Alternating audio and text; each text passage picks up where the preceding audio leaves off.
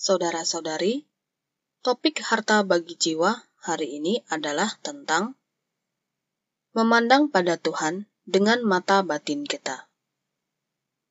Dalam Mazmur pasal 27, Daud mengungkapkan keinginannya untuk melihat akan keindahan Tuhan di sepanjang hidupnya.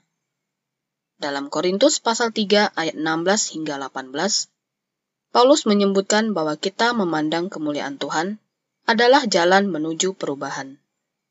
Kita dapat diubah menjadi serupa dengan Tuhan. Saat kita melihat pada Tuhan, maka dalam waktu bersamaan kita juga menikmati akan keindahan dan kemuliaannya. Kemuliaan Tuhan adalah mencakup kasihnya yang memberi asupan dan yang memuaskan hatimu. Selanjutnya, saat kita melihat kemuliaan Tuhan, maka Roh Kudus akan melakukan pekerjaannya di dalam kita. Sebagai contoh, dia akan membuka mata batin kita sehingga kita dapat lebih lagi menikmati Tuhan. Kita memperoleh lebih dari kebenaran. Kita memperoleh Tuhan sendiri. Saat kita pergi kepada Tuhan, maka kita akan memiliki hidup. Alkitab banyak menyebutkan tentang mata kita. Beberapa bagian Alkitab yang kita kenal, seperti Mazmur pasal 27 ayat 4, Daud sangatlah berharga. Dia mengenal Tuhan dengan sangat baik, dan dia memiliki hubungan yang mendalam dengan Tuhan. Dalam Mazmurnya kamu dapat melihat bahwa ia menganggap akan persekutuannya dengan Tuhan adalah yang paling penting. Satu hal telah kuminta kepada Tuhan, itulah yang kuingini. Diam di rumah Tuhan seumur hidupku, menyaksikan kemurahan Tuhan dan menikmati baitnya. Seperti yang tertulis dalam Mazmur 27 ayat 4. Daud adalah orang yang mendekat kepada Tuhan. Dengan mata batinnya, dia melihat akan realitas rohani dan Tuhan itu sendiri. Dia memandang kepada Allah dan dia juga memandang akan keindahannya, seperti keberhargaan dan kasihnya kepada kita. Menikmati baitnya. Daud ingin lebih lagi mengenal Tuhan. Sesungguhnya, Tuhan mendengarkan doa-doa kita. Mari kita baca di 2 Korintus pasal 3 ayat 16 hingga 18. Tetapi apabila hati seorang berbalik kepada Tuhan, maka selubung itu diambil daripadanya. Sebab Tuhan adalah roh, dan di mana ada roh Allah, di situ ada kemerdekaan dan kita semua mencerminkan kemuliaan Tuhan dengan muka yang tidak berselubung. Dan karena kemuliaan itu datangnya dari Tuhan yang adalah roh. Maka kita diubah menjadi serupa dengan gambarnya dalam kemuliaan yang semakin besar. Ini adalah yang mirip dengan Daud, yang ingin melihat keindahan Tuhan. Ada sebuah hasil saat kita melihat Tuhan kita akan diubah menjadi gambar yang sama seperti Dia. Misalnya, Tuhan adalah yang penuh dengan iman, pengharapan, dan kasih yang mulia, dan Dia akan mempengaruhimu.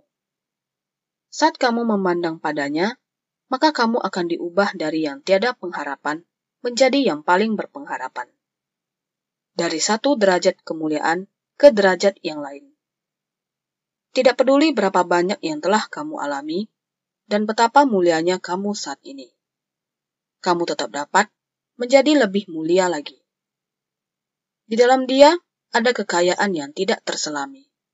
Sebab ini yang berasal dari Tuhan yang adalah roh. Roh Tuhan mengubah kita. Bagaimana kita dapat diubah menjadi seperti Tuhan? Itu adalah karena roh Tuhan bekerja di dalam kita. Rasul Paulus adalah orang yang sering melihat Tuhan. Demikian juga Stefanus, yang di kitab kisah para rasul, dia juga memandang pada Tuhan. Hal-hal yang berharga yang di surga, dan akan Tuhan yang berada dalam kemuliaan telah memikat hatinya. Saat kita memandang pada Tuhan, kita tidak hanya memandang Dia. Terdapat banyak kenikmatan saat memandang Dia. Menurut pengalaman masa lalu kita, kita ketahui bahwa Dia mengasihi kita. kasihnya mencakup akan kemuliaan dan keindahannya. Kasihnya lah adalah yang paling indah di seluruh alam semesta. Ada juga aspek lain dari keberhargaannya. Oleh karena itu, saat kamu memandang padanya, itu adalah sebuah waktu yang menyenangkan. Yang paling berharga dari semuanya adalah bahwa kamu dapat memandang padanya, roh Tuhan melakukan pekerjaannya di dalam kamu. Dia akan membantumu untuk lebih lagi menikmati Tuhan dan dia akan membuka mata batinmu. Dia melakukan pekerjaan yang berbeda di dalam kita. Selain itu, cara komunikasinya adalah yang berbeda dengan manusia.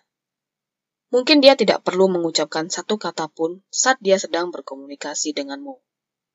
Saat kamu memandang dia, di saat bersamaan, kamu juga harus menikmati akan dia, akan sifat-sifatnya yang indah akan hatinya yang tertuju padamu, akan keindahan dan kemuliaannya. Di waktu yang bersamaan, kamu telah menikmati pekerjaan Roh Kudus di dalam dirimu. Dia sangat menghargai momen tersebut, yaitu saat kamu meluangkan waktu untuk menikmati Dia. Kamu dapat mencium Dia, dan Dia menciummu. Kamu dan Tuhan saling berpelukan. Pada malam sebelum penyalipan Tuhan, dia berkata bahwa dia akan menguduskan kita dengan kebenarannya. Sebenarnya, kita dibenarkan bukan hanya oleh kebenaran itu sendiri. Namun Roh Kudus juga membuka mata kita serta menuntun kita ke dalam kebenaran. Kamu tidak hanya memperoleh beberapa pengetahuan, namun kamu juga dapat mengalami dia secara mendalam. Mungkin banyak orang Yahudi yang mengenal Alkitab dengan sangat baik. Mungkin lebih baik daripada kamu dan saya. Namun mereka tidak selalu menikmati Tuhan seperti kita. Tuhan pernah berkata, "Kamu menyelidiki kitab-kitab suci, sebab kamu menyangka bahwa olehnya kamu mempunyai hidup yang kekal." Tetapi, walaupun kitab-kitab suci itu memberi kesaksian tentang aku, namun kamu tidak mau datang kepadaku untuk memperoleh hidup itu.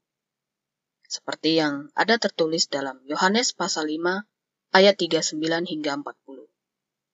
Oleh karena itu, yang terpenting bagi kita yaitu menikmati dia dan segala penyediaannya. Di dalam dia ada kehidupan, kekuatan, penghiburan, dan banyak berkat lainnya. Hanyalah saat kita menikmati dan mengalami Tuhan, barulah kita dapat diubahkan.